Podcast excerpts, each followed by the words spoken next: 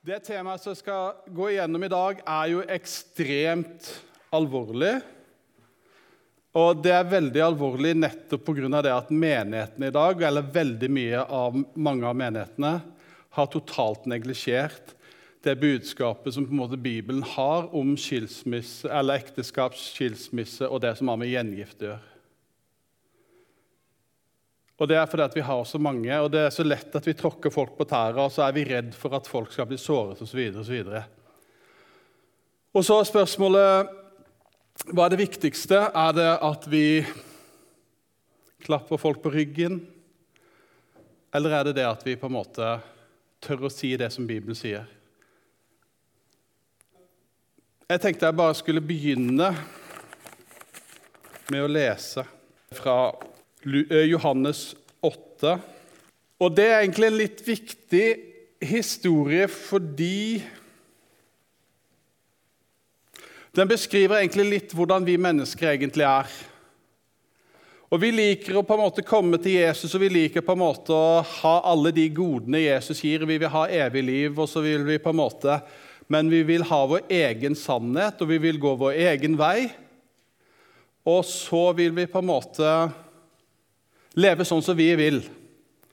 Og Dessverre så er jo også mye av evangeliet som prekes i dag, har jo blitt sånn Prøv Jesus litt, eller ja, hvis du tror litt, så er det greit. på en måte. Men det som er sannheten, er jo at Jesus er herre, og det ligger i frelsen. Og hvis han er herre, så er det jo naturlig at vi da på en måte følger det han sier. Men eh, Johannes 8 også 31 eh, leser da at da sa Jesus til de jødene som var kommet til tro Hvis dere blir i mitt ord, er dere i sannhet mine disipler. Og dere skal kjenne sannheten, og sannheten skal gjøre dere fri. Og Dette sier han til de jødene som nettopp har kommet til tro på ham. Men det første de da gjør, det er å begynne å kverulere. Ja, men vi har jo, som de sier, da svart, vi er Abrahams slekt og aldri vært slaver under noen. Det historien ender opp med, er at Jesus sier dere har djevelen til far. Han sier at de som nettopp har kommet i tro på han, har djevelen til far. Og så forklarer han hvorfor. Fordi vi dreper han. Og så vil de ikke holde hans bud. Og så sier han det at det, i eh, vers 46 hvem av dere kan overbevise meg om synd? Hvis jeg sier sannheten, hvorfor tror dere meg ikke? Den som er av Gud, hører Guds ord. Derfor hører dere ikke, for dere er ikke av Gud. Det er veldig alvorlig. La oss gå videre til eh, Johannes evangelium. Det 19. kapittel. Nei, det er 18. kapittel. Unnskyld. Og vers 37, når Jesus står for Pilatus, så sier Jesus det. Da sa Pilatus til ham, er, ikke, er du da ikke konge? Jesus svarte, du sier med rette at jeg er konge. Til det jeg er født, og til det jeg er kommet inn i verden, at jeg skal vitne for sannheten. Og hver den som er av sannheten, høre min røst. Og så sier Jesus, 'Mine får høre min røst.' 'Jeg kjenner dem, og de følger meg.' Det er ganske alvorlig. Og når vi, og, og, og når vi, når vi kom til tro for det, Jeg har lyst til å legge dette grunnlaget, for dette er så viktig. For Jesus er Herre, og det han sier, det er det det gjelder. Når vi kom til tro, så sier romerne den som bekjenner med sin munn at Jesus er Herre, og tror i sitt hjerte at Gud oppreiste ham fra de døde, han skal bli frelst. ikke sant? Jesus er ikke bare vår frelser, han er også vår Herre. Og så sier han jo det at det er den som er av sannheten, hører min røst. Og så er spørsmålet hvor hører vi sannheten? For det som er Problemet i dag er at folk hører masse sannhet inni sitt eget hue og tror at nå tar vi inn Gud. Å ja, det er Gud sa til meg, og Gud sa til meg, og Gud sa til meg, og jeg var ditt, og Gud sa. Hvis vi hører Guds røst, så er det denne boka her.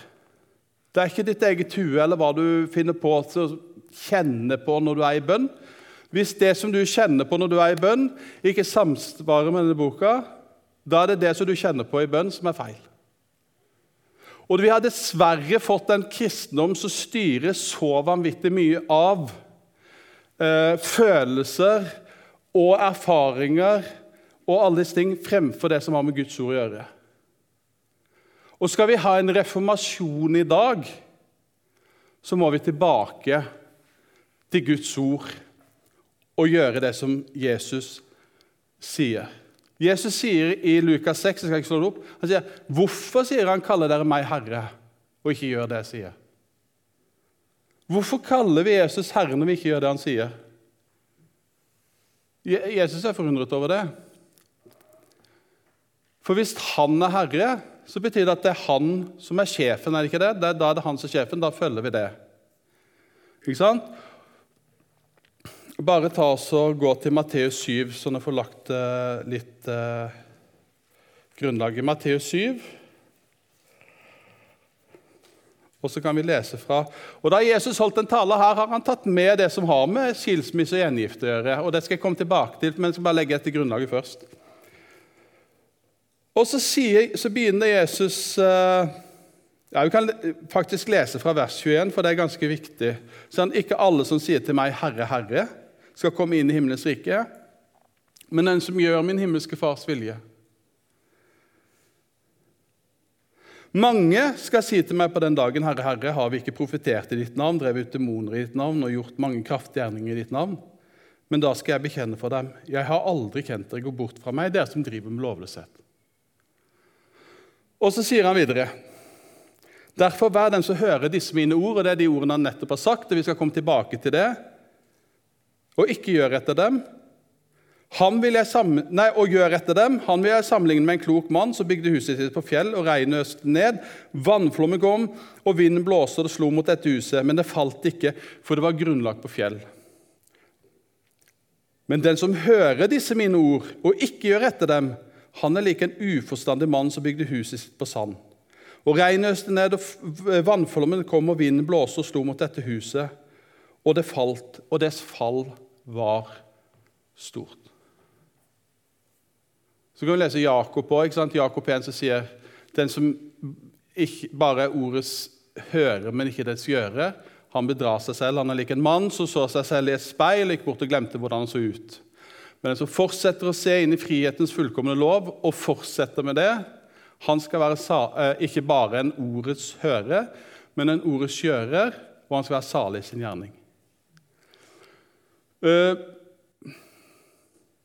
for hvis vi har en idé om at det å følge Jesus det skal ikke koste noe Det er helt greit, vi gjør det som vi vil. Ja vel, da er ikke det det, er ikke det, det som er på en måte Bibels kristendom. Er det noen som har Jesus som herre her inne, eller er det flott? Det blir skeptisk nå noen andre, for dere skjønner at jeg på en måte bygger opp og så men vi, en, vi, må jo være enige i utgangspunktet at det, det Jesus sier, det er det vi forholder oss til. Eller, eller skal vi bare droppe det? Vi forholder oss til det Jesus sier? Ja. Og vi lever jo også i en tid Bare la meg få lov til å lese uh, Gå til uh, andre Timoteus brev.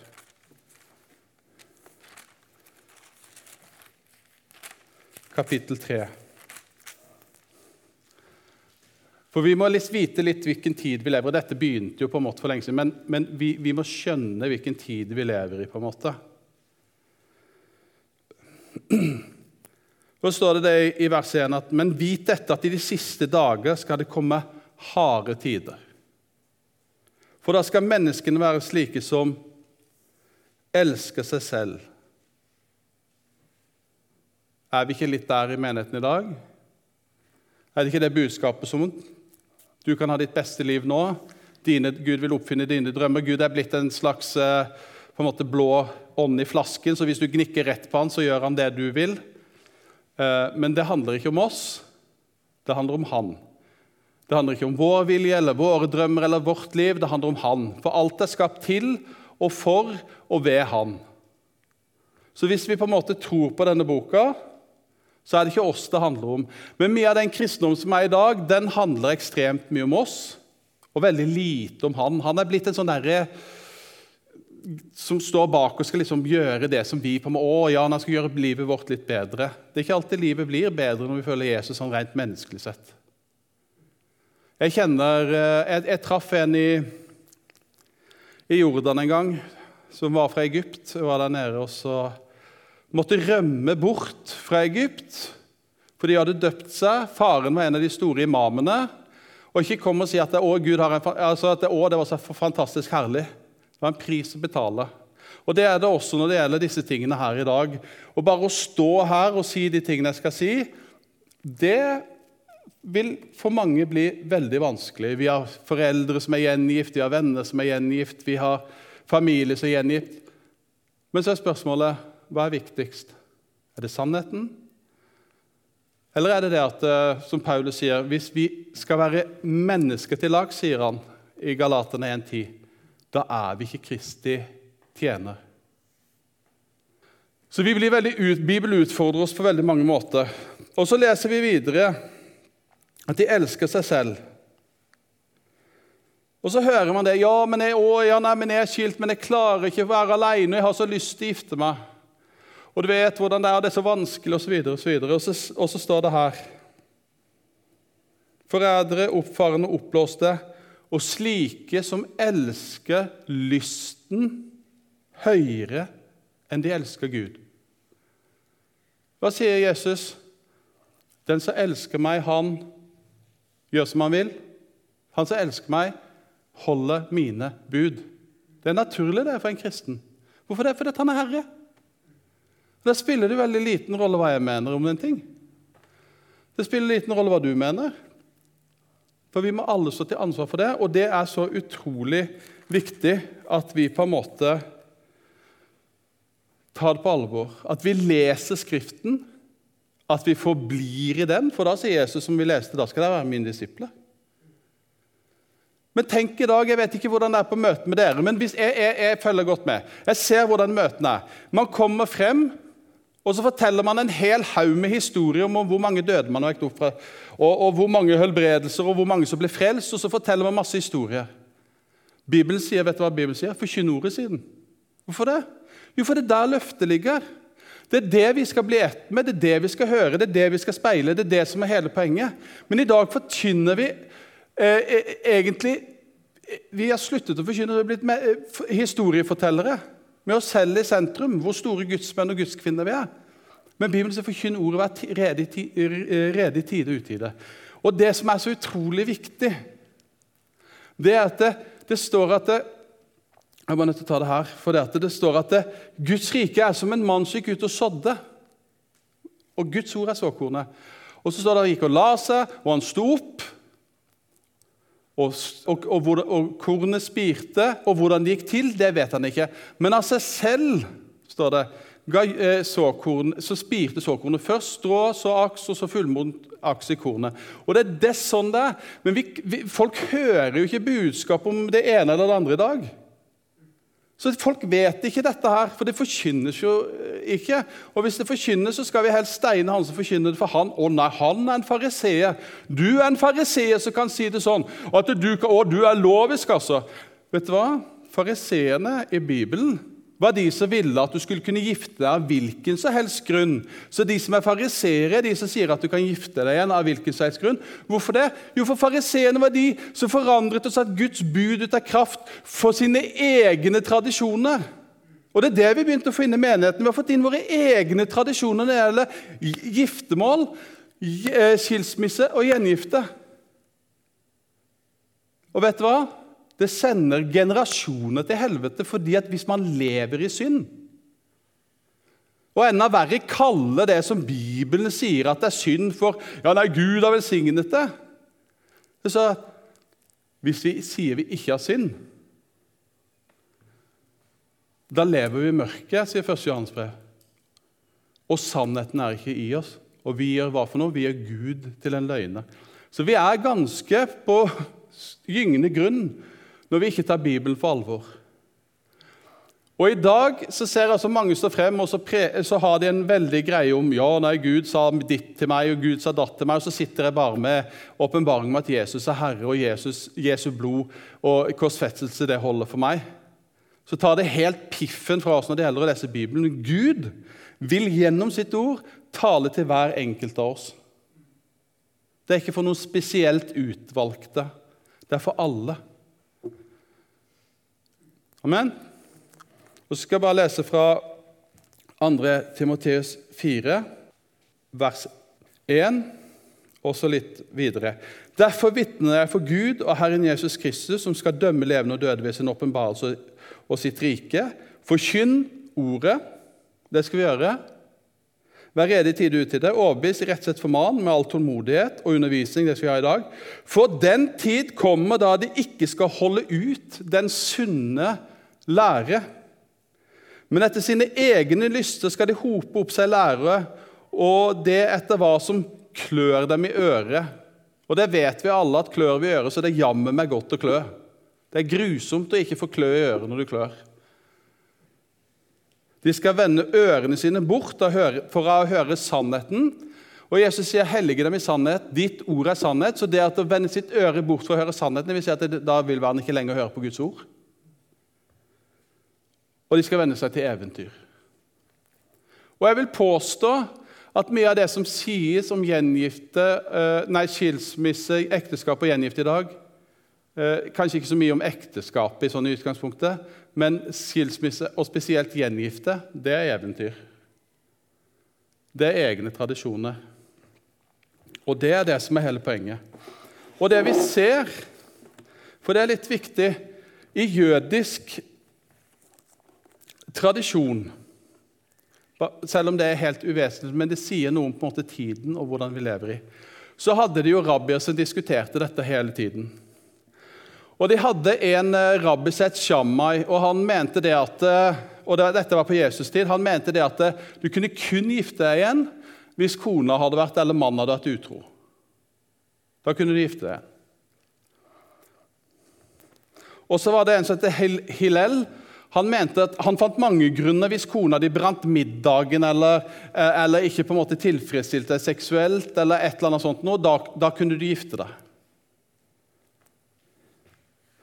Og Litt seinere kom en som het Akiba. Han mente du kunne gifte deg, nei, skille deg og gifte deg av hvilken som helst grunn. Og Hvorfor sier jeg dette? For, dette er, for det er akkurat det samme vi har sett i menigheten.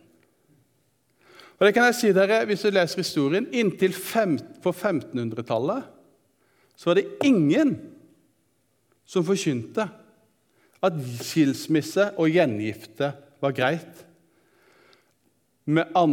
Hvis ikke den første ektefellen var død. Og det er det Bibelen forteller. Så det er det man skal se, eh, se på. Så du kan si sånn, Og vi har satt samme, det samme frafallet i menigheten. Hvis du spør eh, folk som levde for 50 år siden Dette var helt ukjent omtrent. Man, gifte, man, var ikke kristen, skilte seg og gifta seg igjen. Det var, ikke, det var, ikke, normalt. Men vi lever i en tid hvor vi vil ha det som klør oss i øret. Vi vil ha det som er godt for meg, det som ikke koster noe. Og Derfor har vi blitt sånn at vi løper etter enhver lærer som, klør, eh, som på en måte klapper oss på ryggen og sier at ja, men det er greit, bare gjør som du vil. du. Det er flott. Og bruker den store nådespennen ved å stryke ut de klare bibelversene som sier noe om det som på en måte koster noe.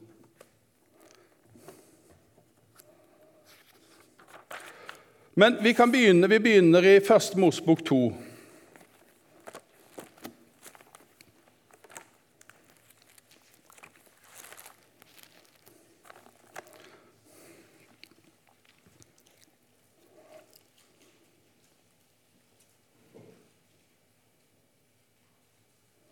Og vil lese fra vers 20. Da Gud har skapt Adam, så ga Adam navn til alt fe, til fuglene i luften og hvert villdyr på marken. Men for Adam fantes det ingen hjelper som svarte, eller som passet til ham. Herren Gud lot en dyp søvn komme over Adam, og han sov. Da tok han ett av ribbeina hans og fylte igjen med kjøtt i stedet. Av det ribbeinet som, uh, som Herren Gud hadde tatt fra Adam, dannet han en kvinne, og han førte henne til Adam. Da sa Adam, 'Dette er endelig beina mine bein og kjøtt av mitt kjøtt.' 'Hun skal kalles kvinne, siden hun er tatt av mannen.' Derfor skal mannen forlate sin far og sin mor og være knyttet, eller som det står på en måte indikerer på eh, grunnteksten, at man er limt sammen, til sin kone. Og de skal være ett legeme, eller de skal være ett kjød. Begge var nakne, både Adam og hans kone, men de skammet seg ikke. Dette er på en måte opprinnelsen til ekteskapet. Det vi ser at eh, Kvinnen skulle være en medhjelp for mannen. Så dere jenter dere skal være en medhjelp for deres mann. Det er det som på en måte er eh, poenget. Du mann, du skal ikke Du må, du må slite den navlestrengen til din mor og flytte ut og på en måte fordi at du har fått ny familie som du skal ta deg av. Så, og det vi ser også, ekteskapet er mellom hva for noe?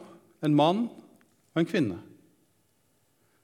Og min påstand er igjen til døden skiller ad.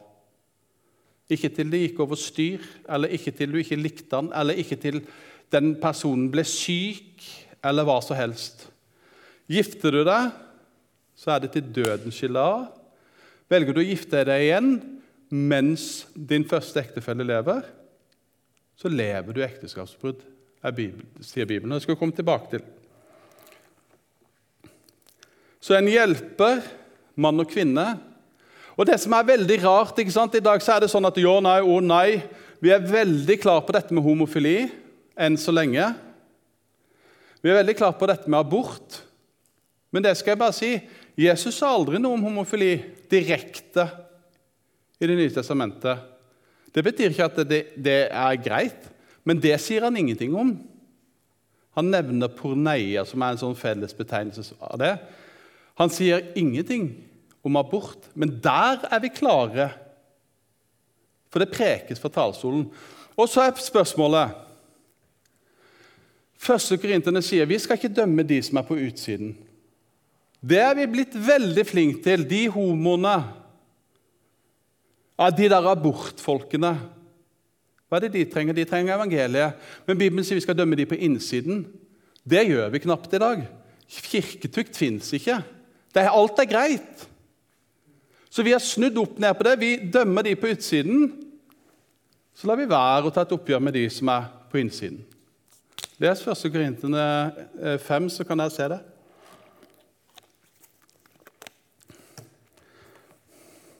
Og dette, dette, er jo på en måte det som er eh, eh, eh, viktig. På gresk så brukes to ord. Det er porneia. Det er eh, sex du har før du er gift. Og så har du noe som heter markeia, som er det som Bibelen oversetter ofte med ekteskapsbrudd. Det er når du har gifta deg. Da driver du markeia.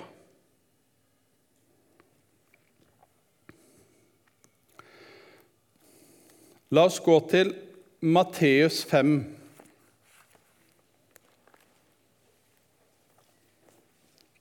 og 32.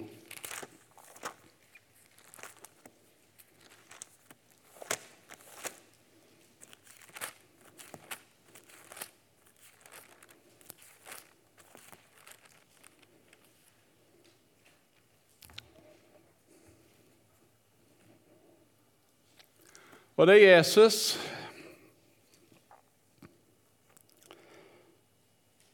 som forkynner om ekteskapet.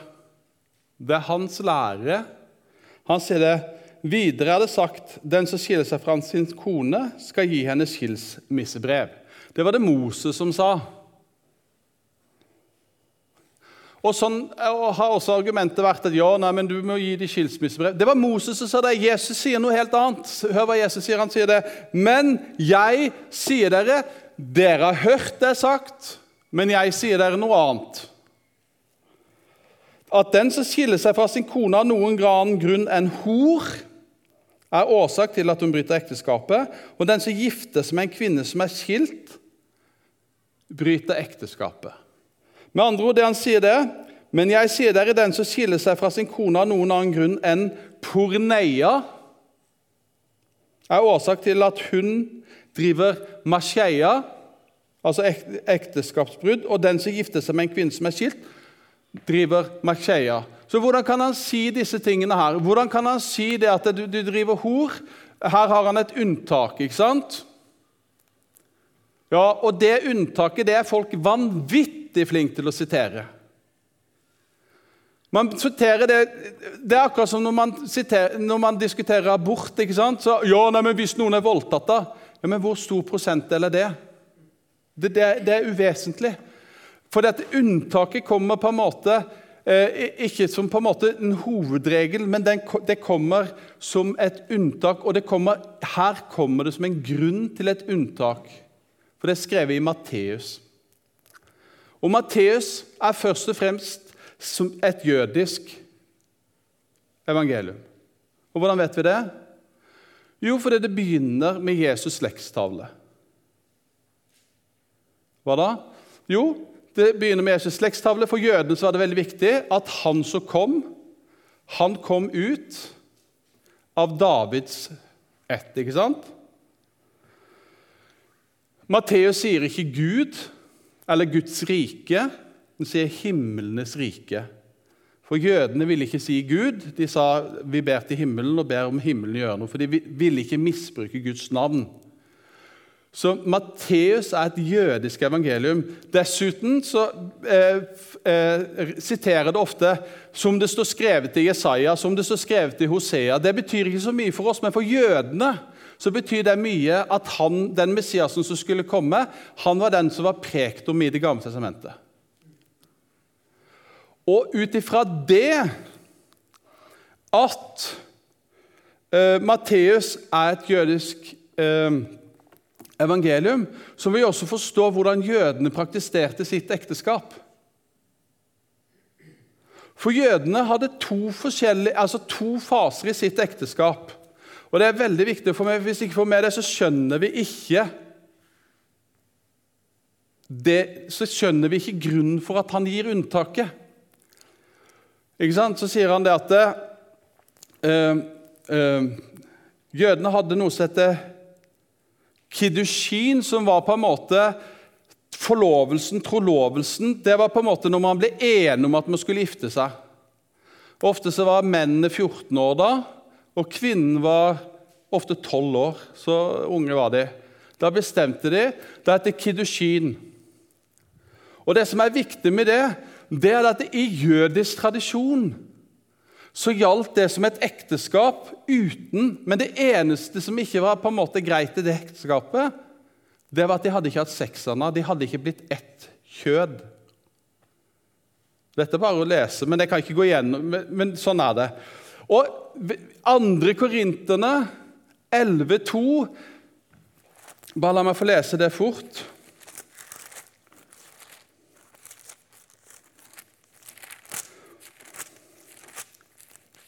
Der står det, det at eh, For jeg er nidkjær for dere med Guds nidkjærhet, for jeg har trolovet dere med en mann, så jeg kan fremstille som en ren jomfru for Kristus. Altså, Vi er trolovet med Kristus. Vi er ikke gift med Kristus, men vi har fått Den hellige ånd som et pant på at vi tilhører Han. Ikke sant? Så det som er poenget, er at den som holder ut til enden, skal bli frelst. Leonard Ravenhill sa dette livet er kun et omkledningsrom for evigheten. Så spørsmålet er skal vi ha skjøgeklær når Jesus kommer, eller skal vi ha brudekjole? For dette, hele parallellen går opp mot Jesus og menigheten som bruden hele veien. Derfor tar Jesus det så alvorlig. For hvis vi begynner å forkynne at det er andre måter å gjøre dette på enn ved død, så forandrer vi faktisk på det som er evangeliet, og så alvorlig er dette. Men poenget er at de hadde to faser av det. Og i denne fasen av det kiddushin hvis du da fant ut For du kunne jo du hadde, altså, at For eksempel at eh, kona di på en måte plutselig fikk stor mage. Da hadde hun drevet porneia, for hun var jo ikke gift i den forstand. Så hvis hun gjorde Det det eneste måten du kunne sjekke om hun var, hadde vært utro på, var jo at magen ble stor. ikke sant? Og da, før du hadde inngått andre fase av ekteskapet, så hadde du lov å skille deg. For da hadde du ikke blitt et kjød. Og det samme med Kristus og menigheten. Vi er trolovet med Han. Men hva sier han i Jakob 4,4? Dere horkvinner og hormenn, vet dere ikke at kjærlighet til verden er fiendskap med Gud? Hvorfor har vi fått Den hellige ånd? Hvorfor har vi fått Guds ord? For at vi skal bli, vi skal på en måte eh, bli helliggjort og, og, vente på Kristus. Det er jo hele poenget. Og hva skulle de gjøre i denne fasen? De skulle vente på at brudgommen kom, og at de kunne fullføre det hele. Og hvis du var utro i den perioden, da er det unntaket gjelder. Og da inngikk de noe som heter nisun, eller nisin. Da var ekteskapet fullbyrdet. Da var det ingen vei tilbake, uansett hvilken drittsekk eller hvor gal eller hvor vanskelig eller hvor vondt det ble. Da var det ingen vei tilbake. Og dette vet Jesus, for vi skal være med på en bryllupsfest en dag. Hvis vi holder ut til enden, hvis vi er trofast mot Han, hvis ikke vi driver og horer med verden For da har han faktisk rett etter Bibelen til å skille seg. For da driver vi hor med verden i den fasen. Det er det unntaket i denne sammenheng forteller. For de andre evangeliene, f.eks. Lukas og Markus, og videre, de har ingen unntak.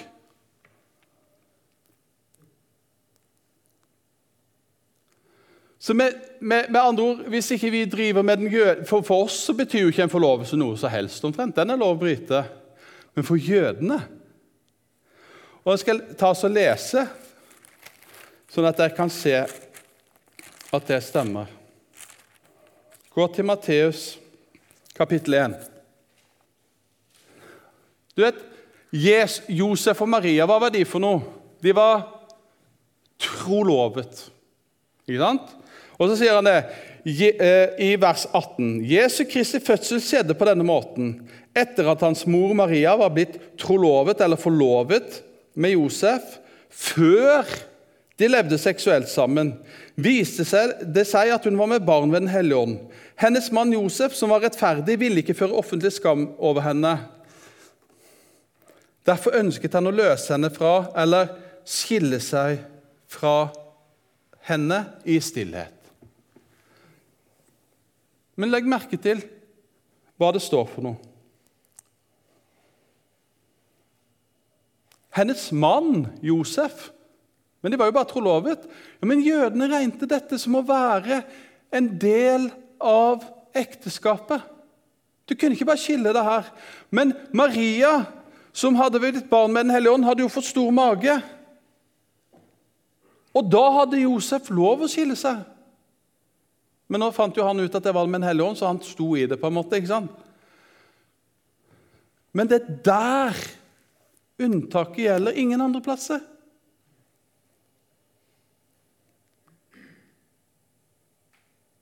Var det forståelig? Ja. Og det er så utrolig viktig at vi forholder oss til det Guds ord sier. La oss gå til Matteus 19. Og dette er, vel, dere, er, er, er, det mange som ikke er gifta der ennå? Ja. For dere så har dere én mulighet til å velge riktig, sånn som Bibelen sier. Derfor er det viktig å tenke seg nøye om. Nøye om. Ikke bare føle sine følelser eller forelskelse eller 'han er så fin' og 'han er så god', men ha en mann som Bibelen sier skal vinne sin hustru, hva for noe? Hellighet og ære. Ikke sant? Dere menn, Det handler ikke om Man skal ha ære for sin kone osv. Og, og, og det er det som på en måte er utrolig viktig, at det ikke blir alle andre ting som teller, men at det, man lever med Gud, og at man er en mann som ønsker å være på en måte prest for familien sin. Skal vi se. Og så kan vi, eh, Da har vi kommet til Matteus 19, og vers 3 kan vi, eh, eh, kan vi si fra. Fariseerne kom til ham for å prøve ham. Og Det som er litt viktig, vet du, vittig her, det er at Johannes døperen hadde jo sagt til folk som ikke var kristne, til han er Herodes og Herodias, at nei, men dere kan ikke gifte dere igjen. Han sier det til folk som ikke er frelst. Og Pga. det så mistet han hodet. Så i den historien her så prøver de Jesus på den siden av Jordanelven hvor Herodes eh, driver og på en måte har eh, regjerer. For det de prøver mest sannsynligvis på å få tatt huet på ham nå. For han utfordrer fordi han sier at du får ikke lov å gifte deg av alle grunner. Han lagde problemer for dem, så derfor så kommer de og så, og, så setter, øh, For å prøve ham så sier de er det tillatt for en mann å skille seg fra sin kone av hvilken som helst grunn. Og han svarte dem, har dere ikke lest at han gjorde dem eh, i begynnelsen gjorde han dem til mann og kvinne? Og sa, derfor skal mannen forlate sin far og sin mor og være knyttet eller bundet eller limt til sin kone, og de to skal være ett legeme eller ett kjød. Så er de da lenger ikke to, men ett legeme. Derfor, det Gud har føyd sammen, skal ikke noe menneske skille, eller kan ikke noe menneske skille. Da sa de til ham, 'Hvorfor ga da Moses befaling om å, å gi kona et skilsmissebrev for å sende henne bort?' Han sa til dem, 'På grunn av deres harde hjerte'. Ok, så vi, Hvis vi skal bruke det som et argument, da Hvem vil ha harde hjerter i forhold til Har ikke vi fått et nytt hjerte, på en måte? eller? Et nytt hjerte gir jeg inni dere. Så, hvis, vi, så vi skal ikke drive og skille oss pga. våre harde hjerter. Vi har fått et nytt hjerte, vi. Loven er skrevet på våre hjerter. Det er jo det som er hele poenget. Og den som er av Gud, han hører sannheten. Han, han hører Guds ord. Ikke sant? På grunn av deres harde hjerte tillot Moses dere å skille dere fra deres kone. Men fra begynnelsen var det ikke slik. Men jeg sier det, den som skiller seg fra sin kone av noen annen grunn enn hor og gifter seg med en annen, bryter ekteskapet. Og den som gifter seg med henne som er skilt, bryter ekteskapet. Det, er det bare meg som syns dette er klart, eller er det klart? Den som skiller seg fra sin kone av noen annen grunn enn hor. og Nå har vi satt det når det gjelder den, det unntaket. For vi skal se etterpå at det fins ikke noe unntak i Lukas f.eks. Den som eh, å gifte seg med en annen, bryter ekteskapet. Så definisjonen på å bryte ekteskapet er å skille seg fra sin kone og gifte seg med en annen. Er det utbredt i kristne sammenhenger i dag? Veldig. Veldig. Disiplene sa, hør, hør hva disiplene sier. Disiplene hans sier til ham hvis det, er, hvis det er slik det er med mann og kone, da er det bedre å gifte seg. De anerkjenner at dette her, det er ikke spøk. Dette er pur alvor. Og Da sier ikke Jesus nei, men slapp av, slapp av, nådes penn, nå stryker vi bare ut. Eller eh, som vi også hører i dag, på en måte, ja, nei, men du vet, ja, nei, jeg skjønner det, jeg ser, ser det, det som står, Kristian, men ut fra et sjelesørgisk perspektiv så mener du at pga. at det er sjelesorg og det er vanskelig, så kan vi bare stryke ut det Gud sier? For i sjelesorg så må vel sannheten være det vi bygger på. Ikke at det, da har vi rett til å sette en strek over alt. Ja, vi skal stå sammen. Ja, det er vanskelig. Ja, det er ditt og datt. Men vi må på en måte stå for sannheten. Det er en grunn til at Jesus sier Smal er den sti og trang er den port som fører til livet, og få av de som finner den. Er det ikke det? For det, dette er vanskelig. Og vi vil ha det som klør oss i øret. For det er så mye mer behagelig. Og så sier Han men ikke, han sa til dem ikke alle kan forstå dette ord, men bare de som det blir gitt til. Og så videre, og så videre, eh, ja, for det fins evenukker osv. Men det som er hele poenget, til og med disiplene anerkjenner at dette her er harde ord. Dette er vanskelig. Da, er det jo bedre, da vil jeg heller la være. For dette krever ekstremt mye av meg. Fordi at jeg kan ikke bare liksom kansellere det hele og på en måte begynne på nytt. Og hvis dere lurer for min tilstand, for jeg har rett til å snakke om det, for jeg er skilt, jeg. Jeg har vært skilt siden 2002, tror jeg. Og så ble jeg frelst i 2012. Så jeg er blitt født på ny etter at jeg skilte meg. Lenge etter at jeg skilte meg. Har jeg, rett til å gifte meg igjen? Nei. Hvorfor ikke det? Men For Gud anerkjenner ekteskapet eh, eh som en institusjon uansett. Ellers så måtte jo alle som blir kristne, gifte seg igjen. Det er jo ingen som gjør det. Ja, jeg blir kristen, nei, men da, da kansellerer vi alt. Det er jo ikke sånn at å, ja, ja, men så, så, er det noen som sier ja, men eh, når vi er kristen, så alt blir nytt. Ja, det er greit, men Du får sjekke banklånet ditt om det forandrer seg. da. Eller ekteskapsstatusen din forandrer seg heller ikke. Eller om, om, de barna du hadde, plutselig forsvant. Det er blitt nytt inni her. Og det som er blitt nytt, er jo det at det, er det som på en måte Gud krever oss, det ønsker vi vel å ære enda mer. Det blir jo ikke mindre alvorlig, det blir jo mer alvorlig. Og det tenker jeg er ekstremt viktig at vi kan ikke se gjennom fingrene med det. Derfor så Det er det som er Runes greie, at dette er alvorlig, og at dere kan få høre dette her, at vet du hva, vi velger en gang. Du kan gifte deg igjen. Det er når din mann eller din kone er død. Da har du lov til. Bare da. Så det, Derfor så er dette viktig. Det er ikke fordi at å, ja, nei, vi har rett teologi. Nei, men det, det er så vanvittig å ta feil på dette her. Evigheten er en fryktelig lang tid å ta feil på. Så Derfor så må vi på en måte tørre å komme tilbake til det Bibelen sier. Vi fortsetter. Og det at Du skal ikke brukte ekteskapet, det vet vi at det er et av de ti budene òg, så det var jo på en måte ikke noe nytt. Ikke sant? La oss gå til Lukas 16. Og Jeg vet ikke om jeg sa det i sted, men det er jo liksom veldig rart hvor klar vi er på homofili og alt mulig, men, men, men, som ikke Jesus sier noen ting om. Men det Jesus sier noen ting om, det ønsker vi på en måte å stryke ut, for det blir så vanskelig. ikke sant? Jesus sier også, nei, Johan, 2. Johannes brev sier noe som er vanskelig i forhold til det at vi ikke tar For dette er jo Jesu lære, ikke sant?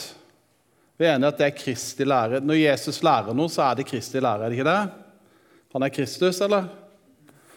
Og Johannes eh, kapittel 7 som vi leste i dag, konkluderer også med at de var overrasket over hans lære.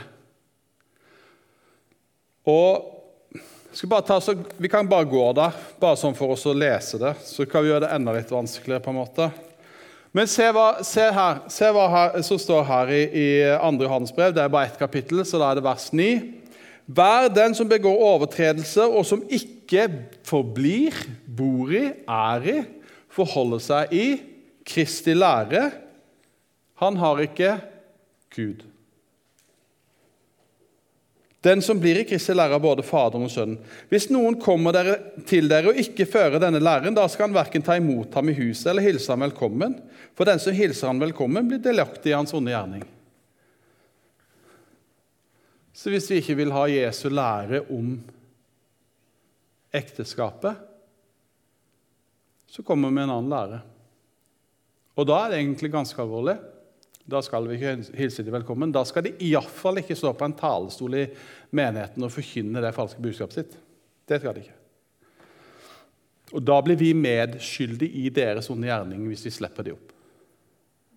Så alvorlig er det. Og grunnen til det er jo at folk Hvis du lever altså, Hvis man lever i hor, da hvis man velger å si ja, det er greit, jeg vil leve sammen med han og jeg vil ikke gifte meg sånn. Er det greit da, på en måte? Kommer vi til himmelen da? Vi gjør jo ikke det. For hvis vi lever i synd, lever i, ikke faller i Den rettferdige står, Det står i, i, i ordspråkene 26 at den rettferdige Syv ganger faller den rettferdige, men hva gjør han for noe? Han reiser seg igjen. Så dette handler ikke om ja, nei, men gjør du ingen feil. Du gjorde mange. Men det som er viktig, er at vi kaller det Jesus kaller for synd, for synd. ikke sant?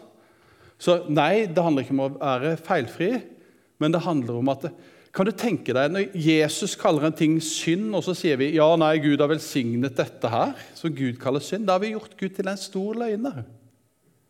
Vil vi det? Er det alvorlig å kalle Gud en løgner? Da står det at vi vandrer i mørket, og sannheten er ikke i oss. Ok, Lukas 16 og vers 18. Nå begynner han liksom å tale til hedningene nå begynner han ikke med ettertavlen og vise sånn og sånn. Og da sier han bare rett ut Den som skiller seg fra sin kone og gifter seg med en annen, bryter ekteskapet. Og den som gifter seg med henne som er skilt fra sin mann, bryter ekteskapet, eller lever i ekteskapsbrudd, som det står, eller mokeia. Så definisjonen på ekteskapsbrudd er ifølge denne Bibelen at det er den som skiller seg fra sin kone, gifter seg med en annen. Det er definisjonen. Så enkelt er det. Den som skiller seg fra sin kone gifter seg med en annen, han driver ekteskapsbrudd. Ja, men du vet, jeg kjenner han, og han er jo en stor gudsmann, og hun er en stor kvikse. Spiller ingen rolle. Hvis du lever med en annen, sin hustru, som ikke er din første hvis du har skilt deg fra din kone eller du har skilt deg fra din mann og gifter deg igjen og lever med en annen, da sier Bibelen at du lever i ekteskapsbrudd. Ja, men vi må jo se sammenhengen, og hvis vi skal ta dette bokstavelig, så blir det jo Ok, Kan du for noen forklare meg, hvis vi tar dette ut hvis vi, okay, hvis vi skal sette dette, Hvilken sammenheng skal vi sette det inn i? Det må være i den sammenhengen Jesus sier det. Han sier det, bare Dette sier han bare plutselig. Men kan du fortelle meg det at er det sånn at hvis vi setter dette inn i en sammenheng, så sier Jesus egentlig noe annet, eller det stikk motsatte av det som står? Er det, er det, sånn å forstå hvis vi skal på en måte ta det i sammenheng? Eller betyr det som han sier, det han sier? For hvis det betyr det han sier, så er det jo veldig alvorlig. Ikke sant? Nå, så, så, så det, Selve definisjonen på ekteskapsbrudd eller en som lever ekteskapsbrudd, er en som har skilt seg fra sin kone og giftet seg med en annen. Hvis Bibelen stemmer, da. Og vi hadde vel ikke sittet her hvis vi ikke mente det. Og hva, Den som skiller seg på Det som står her, det er at det, dere husker liksom 'Whosoever believeth upon him' ikke sant? Hvem som, hvem som alle den som, Det ordet for 'den som' eller 'den' er par, som betyr alle, enhver. Den som Det er ikke noe unntak. Så alle som skiller seg, uansett om du er kristen eller ikke kristen Uansett hvem du er, om det er jøde eller ikke jøde, eller om du er mann eller kvinne, eller hva det er, som skiller seg fra sin kone og gifter seg med en annen, han driver ekteskapsbrudd. Så enkelt er det. Alle som gjør dette. Det er ikke noe unntak her. La oss gå til romene Romerne 7. Og Det Jesus gjør her, rett og slett er sammenlignet Vi var på en måte egentlig gift med loven, eller jødene de var gift med loven. Og for få de fri fra loven, så måtte, dø, så måtte de dø sammen med Kristus for å tilhøre en annen. Hør hva det står. Eh, eller vet, fra vers 1. Eller vet dere ikke, søsken, jeg taler jo til dem som kjenner loven, at loven har herredømme over et menneske den tiden han lever.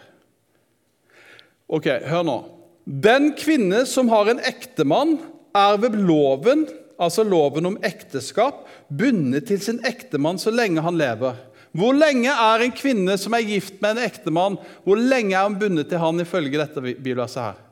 Så lenge han lever. Det er jo ikke meg som sier det, det, ikke, det, det dette er Paulus som sier det. Eller skriver det.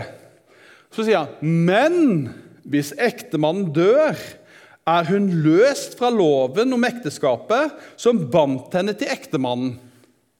Så det at det ekteskapet varer for hvor lenge? Til du inngår ekteskap til en av dere dør. Det varer ikke evighet. Du kommer ikke til å treffe kona di eller mannen igjen. Ja, du kommer til å treffe dem igjen i himmelen, men du skal ikke være gift i himmelen. Det sier Jesus. Har dere ikke lest? Da skal man være seg englene. Man verken tar til ekte eller gitt ekte. Ikke sant? Så ekteskap det er en jordisk ting til døden skiller oss ad. Men hør hva han sier. Hvis hun da gifter seg med en annen mann mens hennes ektemann lever, altså den første hun gifta seg med, skal hun kalles hva for noe? En horkvinne? Eller det som det står, Maskeia, en ekteskapsbryter. Og Her har vi jo samme definisjon, av ikke det? Hvis noen gifter seg hun, her, Første gang var det mannen, her er det kona. Så hvis hun skiller seg og gifter seg med en annen mens den første mannen lever, så bryter hun ekteskap, så lever hun i ekteskapsbrudd. Så står det Men hvis hennes ektemann dør, da er hun fri fra loven slik hun ikke, at hun ikke er en ekteskapsbryter, selv om hun har giftet seg med en annen mann. På samme måte, mine søsken, og derfor det her er hele poenget. Jesus tar et bilde med det ekteskapet og hva det vil si å dø bort med han. Så, så sier han at på samme måte, mine søsken, døde også dere bort ved loven ved Kristi kropp, for at dere skal tilhøre en annen, han som ble oppreist fra de døde, for at vi skal bære frukt for Gud. Kunne vi bli frelst på noe så helst annen måte enn ved en død? Kunne vi det? Kunne ikke bare Gud si ja, men det går greit? Nei, det er det som er hele poenget. For skulle vi bli løst fra loven for å tilhøre en annen, så måtte det skje en død. Ekteskapet er ikke en kontrakt i Guds øyne, det er en pakt, og en pakt varer fra når? Fra du inngår den, til du dør. Og når, Det er derfor når vi vi er jo i den fasen at vi er utrolovet med Kristus. Så når vi nå på en måte trår inn i dette bryllupet som Bibelen snakker om ikke sant? Vi skal feire bryllup. Da er det ingen vei tilbake. Da kan ikke Kristus lenger skille seg fra oss, for da vil han drive ekteskapsut. Da er vi på en måte sikre. Men nå er vi i en fase hvor vi er, ja, vi er besegla av En hellige ånd. Ja, vi, vi, vi er frelst osv., men Kristus kan, hvis vi i opprør velger verden og elsker verden fremfor Paulus, Paulus sier ja, nei, det var en mann som, som, som, gikk sammen med han, men han fikk kjærlighet til verden, så han, kunne ikke være med, han ville ikke være med lenger. Og Derfor er det alvorlig. For Hvis vi begynner å tulle med det med ekteskap og gjengifte, så indirekte tuller vi med det som er evangeliet. Og det Hvis vi begynner å forkynne et annet evangelium, da er vi på tynn is, ifølge Paulus. Da skal vi være forbannet. Så dette er veldig, veldig alvorlig. Ok? Vi, vi har, vi er, jeg har litt mer som jeg ønsker på en måte å gå gjennom. Eh, la oss gå til 1. Korintene 7. Og Her taler Paulus eh, den veiledning til flere forskjellige grupper med mennesker. Det er jomfruer, det er enker, det er de som er gift osv. Ikke sant? Nå skal dere få vite hvorfor jeg på en måte lever som jeg gjør. For jeg har egentlig ifølge Bibelen to valg. To valg har jeg. Må huske Paulus skrev til Korintermenigheten. Den var ikke 150 år gammel. den, Det var helt i begynnelsen. Ikke sant? Men, men, men eh, så skriver han 'hold på ekteskapsløftet' fra 1. Korintene 7,10. Så sier han Den som er gift, pålegger jeg. Vil si ikke jeg, men Herren. Så hvem er det som har gitt pålegget her? Er det Paulus eller er det Gud? Ja, han har sagt, ikke sant? Herren pålegger dere dette. En kone skal ikke skille seg fra sin ektemann. Men om hun er skilt fra ham, så skal hun leve ugift eller bli forlikt med sin ektemann. Og en ektemann skal ikke skille seg fra sin kone. Så hvilke to alternativer har man som er Guds pålegg? Det er rett og slett enten forbli ugift eller forlike seg. Han sier ikke det, eller gift deg. Nei, han sier det, du kan ikke det. Ja, men, og Dette er jo mennesker som kanskje nettopp er blitt frelst. Det er ikke folk som er frelst i alle år. Og Allikevel så krever han det av de, fordi at ekteskapet er universelt innstiftet av Gud. Og hver den, om det er kristne eller ikke-kristne, spiller ingen rolle, bryter ekteskapet. Og Døperen Johannes var villig til å ofre huet sitt for å si dette til to hedninger. Den som er gift, pålegger jeg, dvs. Si ikke jeg, men Herren, en kone, skal fra, eh, kone skal ikke skille seg fra sin ektemann. Ok, Greit. Hvis Gud har gitt påbud om en ting Jesus er Gud, ikke sant? Og han er vår Herre. Kan vi da på en måte velge om vi vil forholde det til, eller må vi forholde oss til det? Hvis vi Gud gir oss klare retningslinjer, og vi leste jo veldig klart at vi, hvis vi lever i lovløshet, Matteus 7 Gå bort fra meg, dere som lever i lovløshet. Hvis vi velger å ikke leve etter Guds lov når vi vet hva som er Guds lov, hva er vi da ifølge Bibelen? Da er vi jo lovløse. For vi vil jo ikke følge loven. Og Da sier Bibelen skal vi ikke arve Guds rike. Og Nå sitter dere sikkert og lurer på det. Ja, men, eh, du, ja, men eh, Hvis de har gifta seg igjen og fått barn og alt mulig, hva, hva, skal vi gjøre da? Hva gjør vi da? Skal de fortsette å leve i ekteskapsbrudd?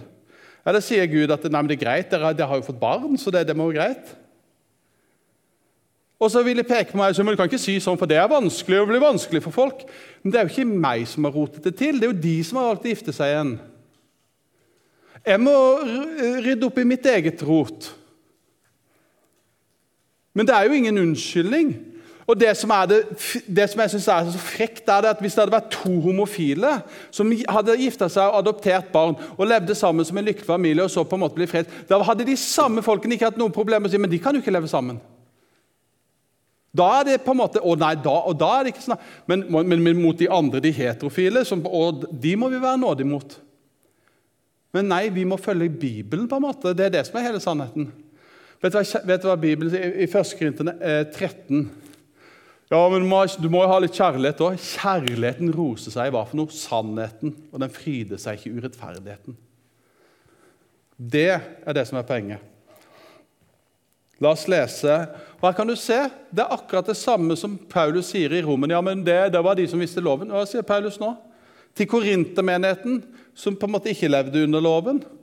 Han sier det i vers, Først så sier han en masse greier. Er du da bundet til din kone i vers 27, skal du ikke søke å bli løst. Er du løst fra din kone, skal du ikke søke etter en kone. Selv om du gifter deg, har du ikke syndet, osv.